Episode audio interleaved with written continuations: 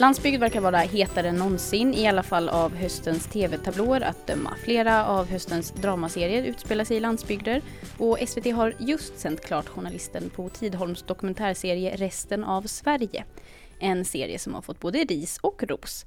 Och det är just den serien som är utgångspunkten i det här avsnittet av Landet. Hej och välkommen till Therese Bengard, verksamhetschef för Hela Sverige ska leva. Tack så hemskt mycket. Vi säger hej och välkommen också till Helena Jonsson, förbundsordförande för LRF.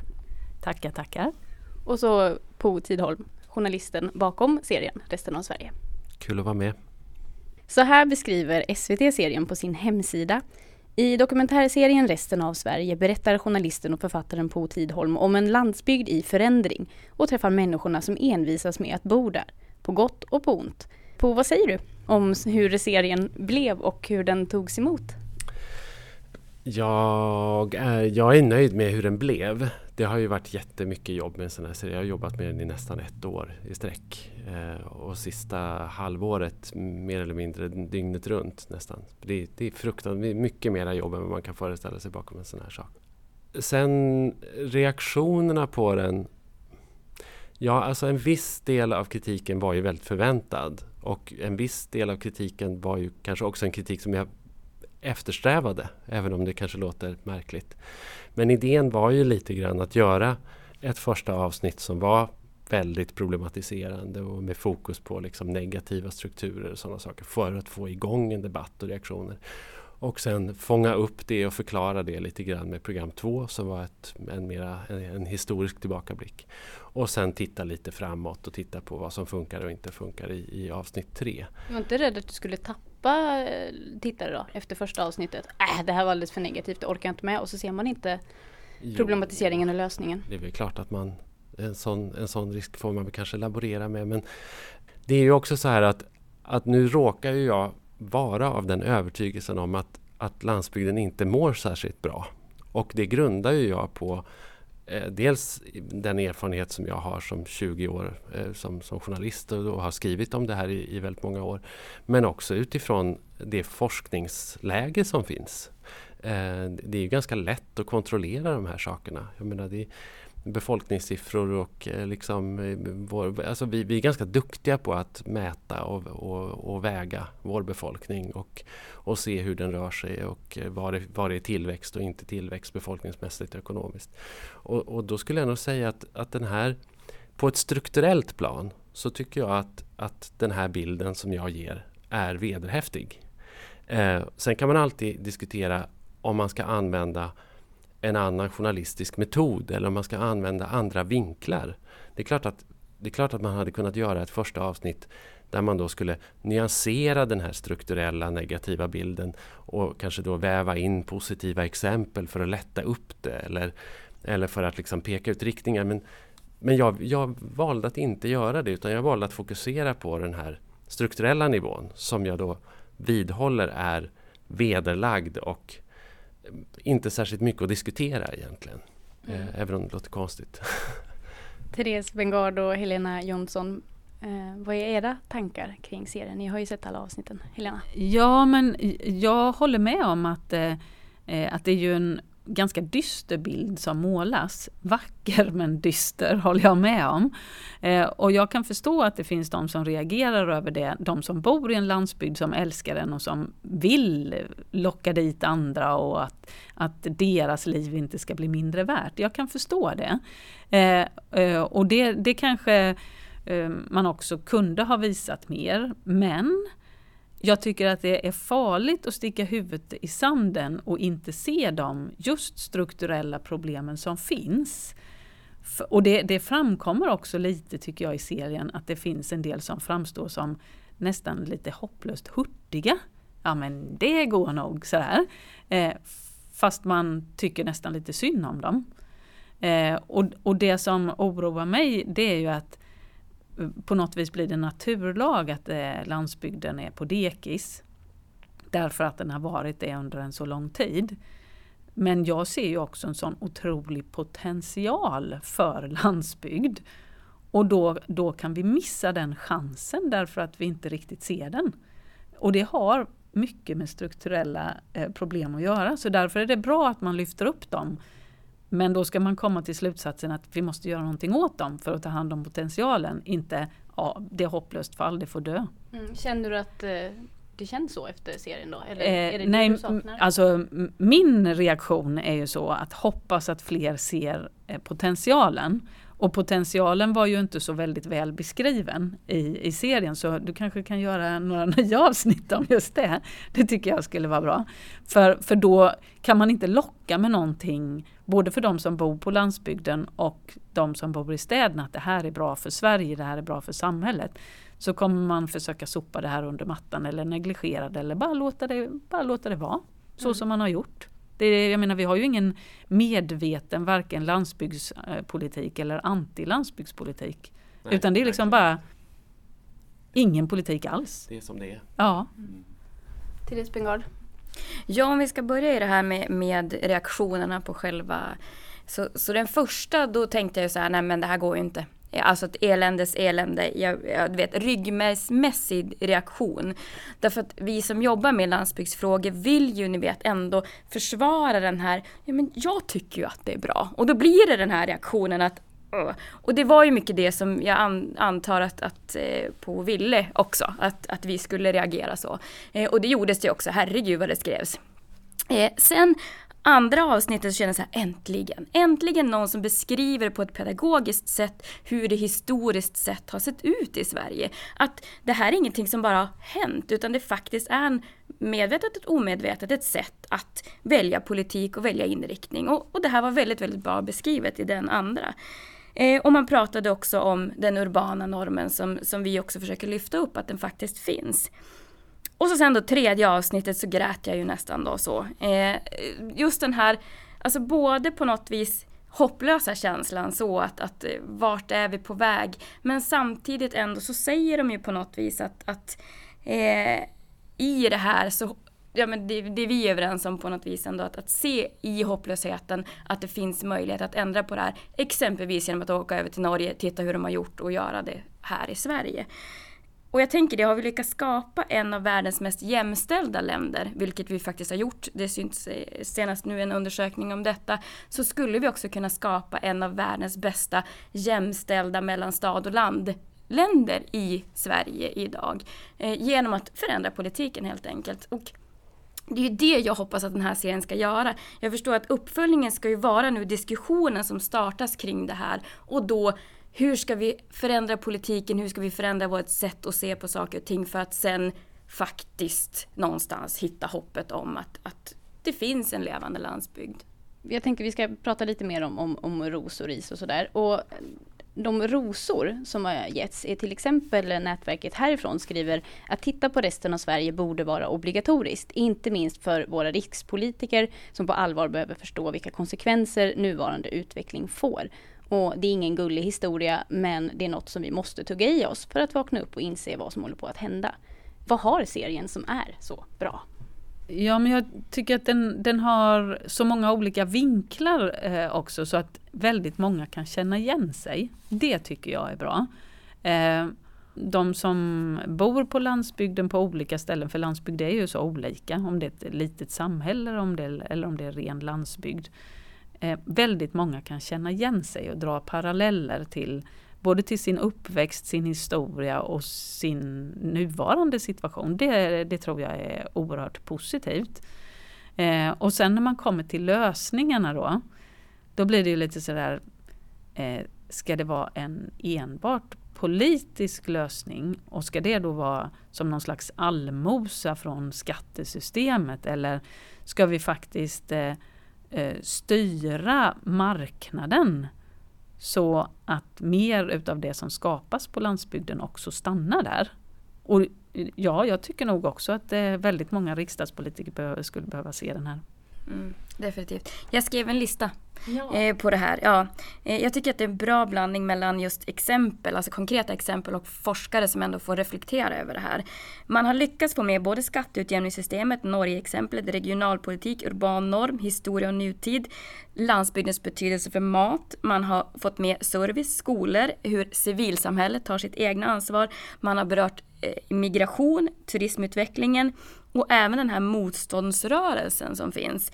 Man har berört det här med bäst att bo, eh, vansinnighetsskattningen eh, eh, som vi gör, men också den här sälja sig själv-känslan, alltså att vart, vart på något vis eh, ja, jag säljer mig själv lite grann därför att systemet ser ut så. Jag kan inte göra på något annat vis för det är det enda sättet för mig att, att leva och bo på det här stället. Så att jag tycker verkligen att för en gång skulle man fått med väldigt, väldigt mycket av de frågorna som vi har pratat om länge. Och det som är så starkt med typ av medium som, som just det här är med, med eh, TV är ju att det faktiskt berör någonstans och att man kan se det istället för bara läsa massa forskningsrapporter och befolkningsdelar och så vidare så, så tydliggörs det på ett sätt. Exempelvis som den här hur mycket man behövde runt en stad för att kunna eh, få till det så. Både när det gäller då eh, jordbruksmark och, och, vatten och så vidare. Så då, då blev det konkret. Så att eh, ja, från att ha varit väldigt då så här arg från början så, så tänker jag samma sak. Att många skulle få se det här och sen då att vi gör reflektionen vad ska vi göra åt det här då? Ja, men jag gillar också den här eh, när man fick se hur mycket yta det går åt mm. för att försörja en befolkning. Eh, och, och jag har fått siffror på att det går åt ungefär 200 gånger mm. en stads yta för att, att, producera livsmedel för att man ska eh, klara sig i stan. Men det som man ofta missar det är att allt avfall som produceras i stan det behöver också tas hand om. Och då behöver man tusen gånger stadens yta för att man mm. faktiskt ska kunna ta hand om avfallet. Och, och, det missar man ju väldigt ofta. Nu vill ju inte vi bli stadens soptipp, långt ifrån. men men det, eh, det, behöver vi ju inte heller bli om vi har ett kretsloppssamhälle. För det som är skräp i stan är en tillgång när man bedriver jord och skogsbruk till exempel. Men, men det är just det här man måste förstå på något vis, att vi är beroende av varandra. Och, och det som skulle vara intressant är ju egentligen om man, kanske det första avsnittet hade gjort en sån här eh, framtidsspaning, om vi bara har urbana miljöer, vad händer? Alltså då är det ju verkligen, då skulle vi kunna svartmåla ordentligt. Därför att vi behöver, alltså staden och landet behöver varandra och det är därför jag tycker det är så frustrerande att vi som då driver landsbygdsfrågorna och bor på landsbygden måste berätta detta. Jag måste förklara för folk, förstår ni att landsbygden behövs för att? Egentligen borde det vara grundläggande lågstadiekunskap, att vi, vi är beroende av varandra. Och att då de som bor i städerna skulle se att ja, men vi behöver det här. Därför så måste vi också ha en politik som fungerar i hela landet. För vad blir konsekvenserna om vi inte får det? Mm. Mm. Vi ska titta lite grann mer på kritiken också. Det som det mestadels har handlat om är just precis som ni sa det här dystra, dystopiska. Bilden som målas upp är allt för svart och att den är onyanserad och att om vi ständigt matas med den här mörka bilden så tror vi att den är sann. Också att Tidholms berättelse passar in i en etablerad dyster mediebild där landsbygden beskrivs som en plats som präglas av avfolkning, arbetslöshet och bristande service. Och att när det berättas om bybor som tvingas ta över nästan allt utom begravningsbyrån så berättas det inte att om det faktum att de också då får makten att ta över, de får makten över sin by så att säga. Maud Olofsson hon har sagt att bilden eh, du ger inte stämmer. Hon var väldigt kritisk. Mm. Eh, framförallt inte i den tätortsnära landsbygden där man lever väldigt bra. Man kan problematisera avfolkningen i vissa orter men man kan också visa den andra sidan. Och det är just det som jag har sett lite i sociala medier också. Kommentarer om att, att serien pratar om Sveriges landsbygd men exemplen kommer från, från delar av Norrlands inland till exempel och att man saknar att det inte görs en skillnad mellan landsbygd och glesbygd i serien. Att du pratar om en, en eh, du pratar om resten av Sverige men visar ändå i princip bara norra delarna av, av Sverige och de problem som den delen av Sverige mm. står inför.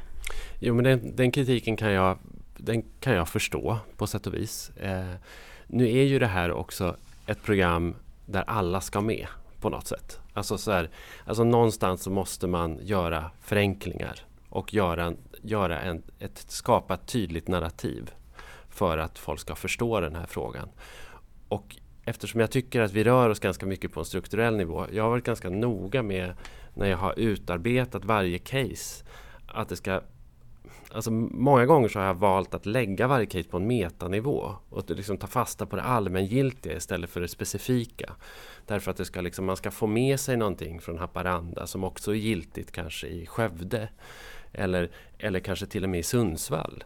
Det är ju så att Birsta köpcentrum tömmer ju också Sundsvalls stenstad. Så att jag menar, allt det här finns liksom paralleller till. det finns en typ av kritik som jag blir väldigt, eller flera typer av kritik som jag kan vara, bli trött på väldigt omgående. Men just en, en typ av kritik som bland annat faktiskt jag läste eh, på en, en blogg här på, på, på land.se. Där det var någon som då, och jag råkar veta att det är en kommun som det inte går bra för, skriver att Po Tinholm har fel. Den här, det här programmet är fel från, från början till slut. Därför att jag har varit på besök på ett företag som har orderböckerna fulla och som har anställt fem nya personer. Och då vill jag bara säga så här, okej, okay, men de här fem nya personerna, kan de uppväga alla de här försvunna arbetstillfällena i, eh, i basnäringarna och de gröna näringarna som har försvunnit de senaste 20-30 åren. Kommer de här fem nya arbetstillfällena kompensera för det faktum att kommunen har tappat 40 procent av sin befolkning på 25 år? Om svaret är nej, då kan ju inte jag heller som journalist lägga ut den typen av dimridåer som det faktiskt skulle vara. Att lyfta fram det där småföretaget. Istället för att berätta om den strukturella utvecklingen. Alltså då gör ju jag faktiskt ett fel som journalist menar jag. Hade jag nyanserat första avsnittet och vävt in positiva exempel så hade jag för det första inte fått igång en debatt på det sätt som jag har fått. Jag hade också inte varit sann någonstans. Och det, och det, tycker, jag, och det tycker jag hade varit besvärligt.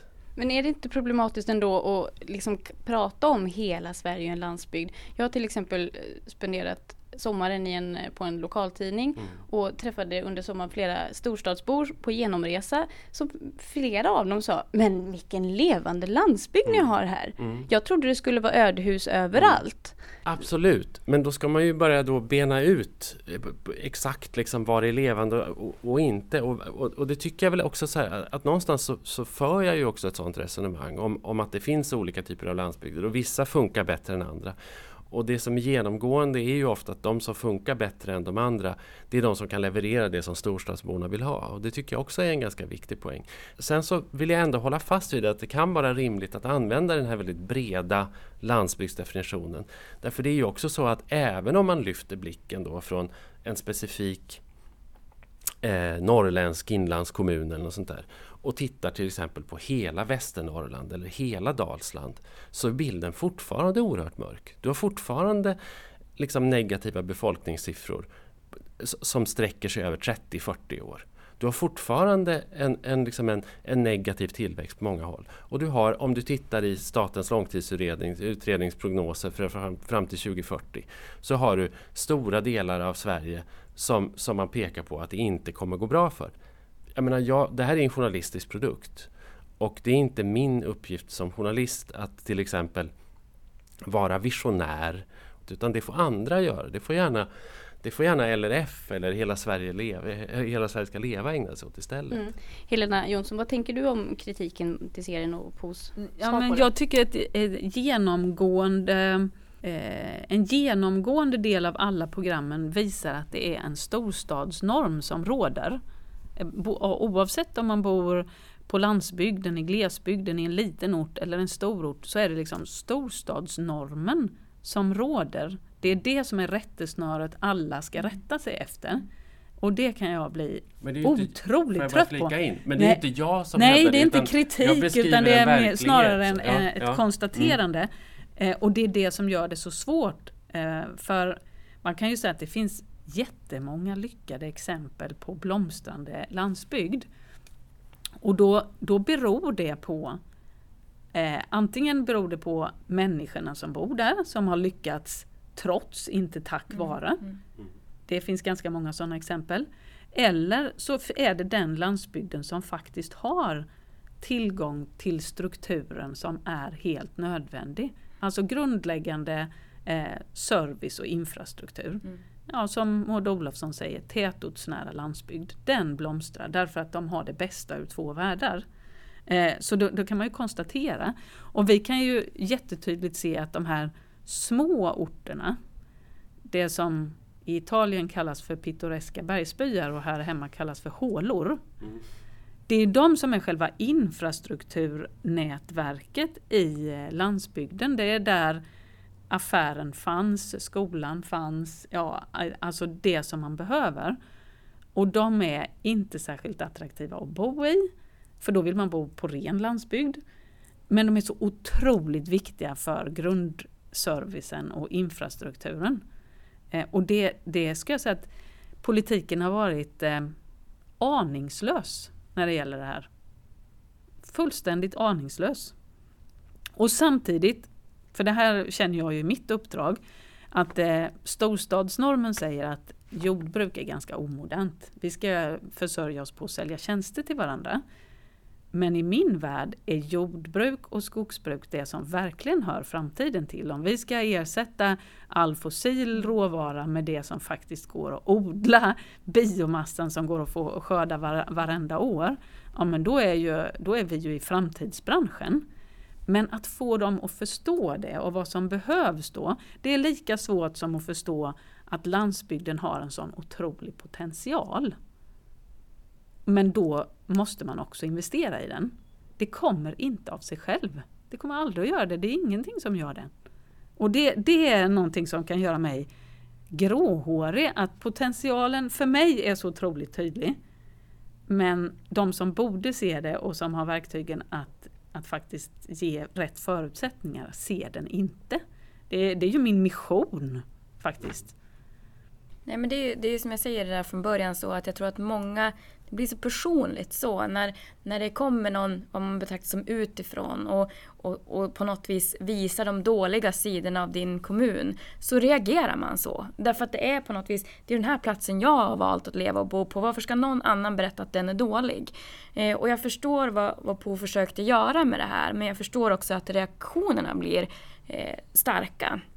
Eh, Plats och identitet är ju väldigt Ja, ja och särskilt för oss som hela tiden får höra detta. Som hela tiden på något vis får höra att ni har gjort fel val, hur kan ni bo där? Jag brukar skoja och säga som sagt nu när jag då har två stycken olika eh, platser som jag befinner mig i framförallt. Det vill säga Hammarstrand hemma där jag lever och bor och där jag verkligen har livskvalitet tycker jag. Eh, och så sen då så har jag en övernattningslägenhet i Gamla stan. Och folk, åh, åh Gamla stan, åh vad häftigt. Och, och jag bara, men det är ju ett helvete att bo där. Alltså, nej men alltså, och, och, folk, då blir de provocerade över att jag säger det. Men jag säger att ni ska vara avundsjuk på att jag har möjlighet att ha ett fantastiskt utvecklande, stimulerande, engagerande jobb och kan bo och leva i Hammarstrand. Eh, men det blir på något vis att det är den här normen som finns. Och, och, och då då blir det ju det att vi försvarar den här bilden av att jag tycker att Ragunda är en fantastisk kommun och alla andra säger att den är pissdålig om jag säger så.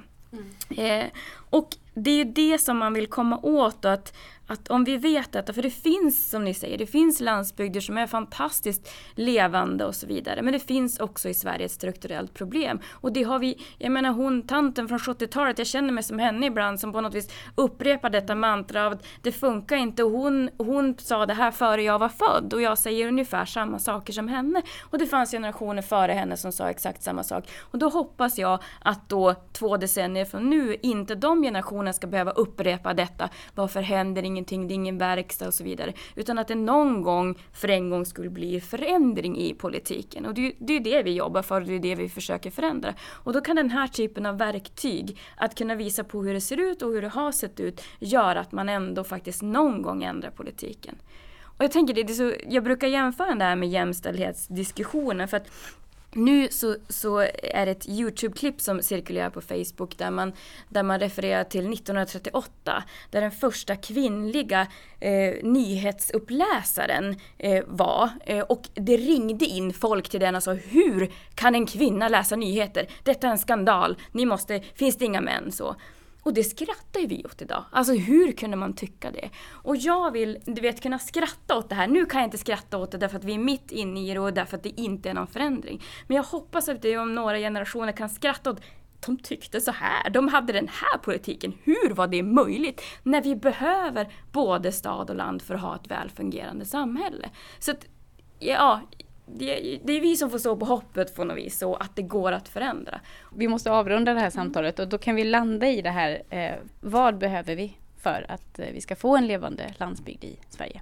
Vi börjar med dig på det allra viktigaste. Ja, alltså det är ju att politiken bestämmer sig helt enkelt. För det, för det är också som Helena säger att, att det finns en aningslöshet. Eh, det, det, finns ett maktvakuum. Eh, här har vi någonting som, bara, som vi bara har låtit hända. Och det är en ganska drastisk egentligen ideologisk förändring. Från att, från att på 50-talet eh, så hade vi då en stat som åkte ut i varenda buske och byggde en, en, en skola i, i gult tegel och, satt, och byggde en hockeyrink. Liksom, och drog ut busslinjer. Och det var helt självklart att vi skulle göra så.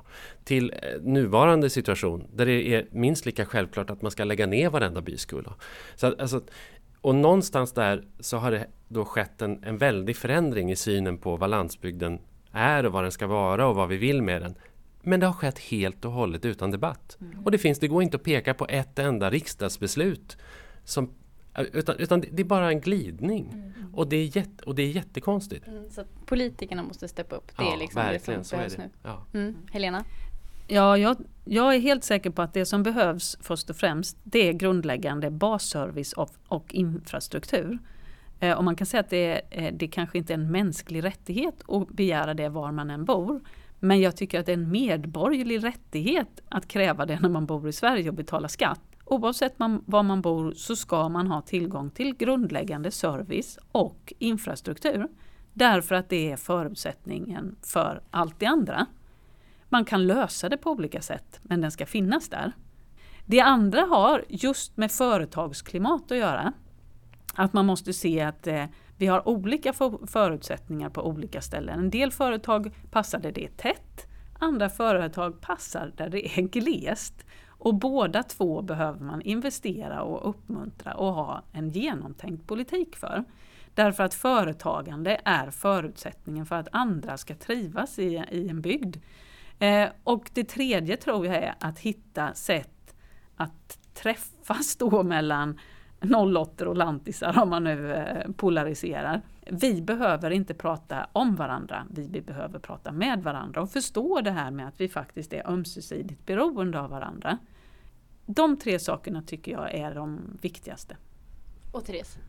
Ja, eh, jag vill ju då som jag sagt tidigare ha en regional, regionalpolitik, eh, alla den norska modellen.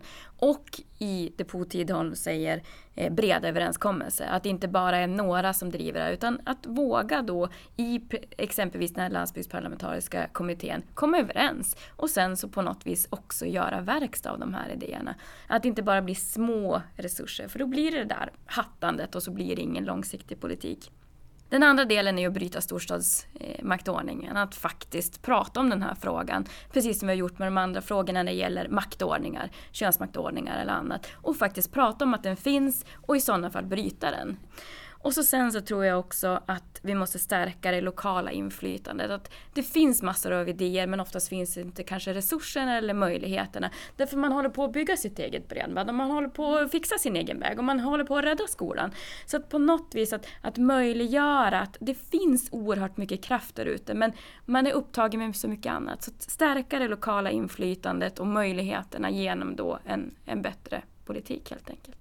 Du har lyssnat på Landsbygdsnätverkets podcast Landet, podden bortom storstan. Jag heter Ida Lindhagen och vill du veta mer om Landsbygdsnätverkets arbete, följ oss på Instagram eller gå in på landsbygdsnätverket.se.